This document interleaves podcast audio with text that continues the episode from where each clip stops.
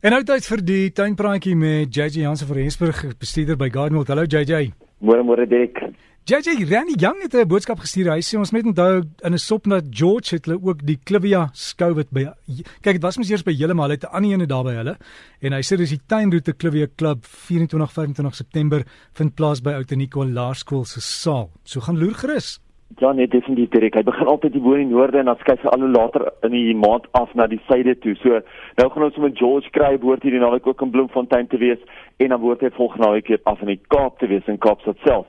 So as jy wil gaan loer waar hy by julle gaan wees volgende, gaan loer asseblief net by cliviasociety.org. Dat sê hy al die verskillende Clivia skoue is daar so. En weet jy Dirk, as jy soontoe gaan om van 'n gewone ou oranje Clivia te sien, moenie gaan nie alles wat hulle daar het is so spesiaal en is so mooi, dit is so interessant en so anders en dit is wat dit so lekker maak. Ja, judges, wie sê my Oranje Klubias is nie goed genoeg nie, hè?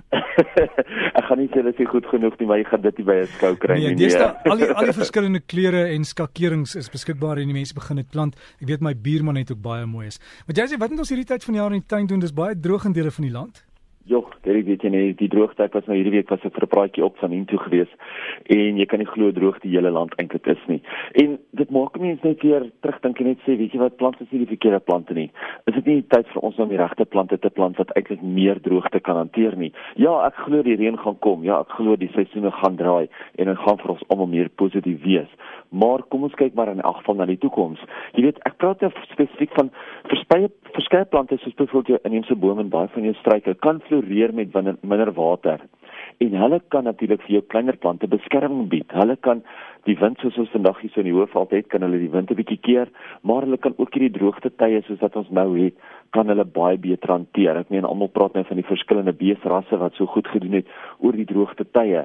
En dit is nou tyd dat ons moet kyk na ons plantvariëteite wat ook gedoen, goed gedoen het gedurende die droogte wat die, die droogte tye wat eintlik daai uiterste hitte kon hanteer want jy weet dit is nie net die droogte nie dis die plante wat ook regtig sukkel met hitte uitputting hulle kan dit selfs net nie hanteer nie maak nie saak hoeveel water daar is nie en as 2016 2017 enigstens so warm is of warmer is as wat 2015 16 was dan gaan ons 'n probleem hê. So, gaan kyk 'n bietjie, gaan vra vir jou naaste kwekery, watse tipe plante kan hulle voorstel? Wat kan ons gebruik? Baie van dit gaan natuurlik 'n grysblaarplant wees of 'n gryser groenige groenblaarplant. Want daai grysblaarplante oor die algemeen het baie minder water nodig en hou natuurlik van die son. Ek is self nog steeds iemand wat baie lief is vir kleure in die tuin. En ja, daar is wel saailinge wat 'n mens ook wel kan plant wat minder water nodig het.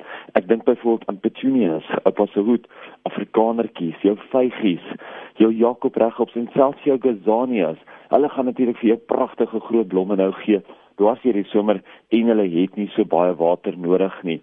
Amaryllis bolle is ook nou beskikbaar en as jy een van daai mense is wat alles in jou vermoë doen om amaryllisse vir die kersseisoen te kry, is dit nou die regte tyd om jou amaryllis te gaan koop en hulle vinnig in die yskas te sit. Onthou jy kan nie wag dat hulle eers uitloop en hulle dan eers yskas toe vat nie. Jy moet hulle onmiddellik yskas toe vat.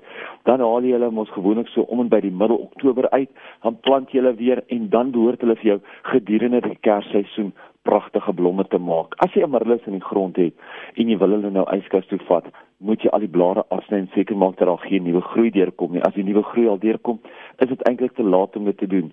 Dan al wat jy moet doen is net die amaryllisse daar los, hulle voer en hulle pragtig in blom kry. Onthou, as ons dit nou gaan doen, as ons hulle nou baie gaan voer, ja, dan sit baie kos in die bol en dit is ook wat baie van jou bolplante baie waterwys maak, is omdat 'n mens hulle nie so gereeld hoef na te maak nie. So baie van die krag baie van die water, baie van die energie sit in die bol. En dit is hoekom al voer mense na die bol, onthou kondisioneer jy die plant ook dat hy vir jou in die toekoms ook baie beter gaan groei.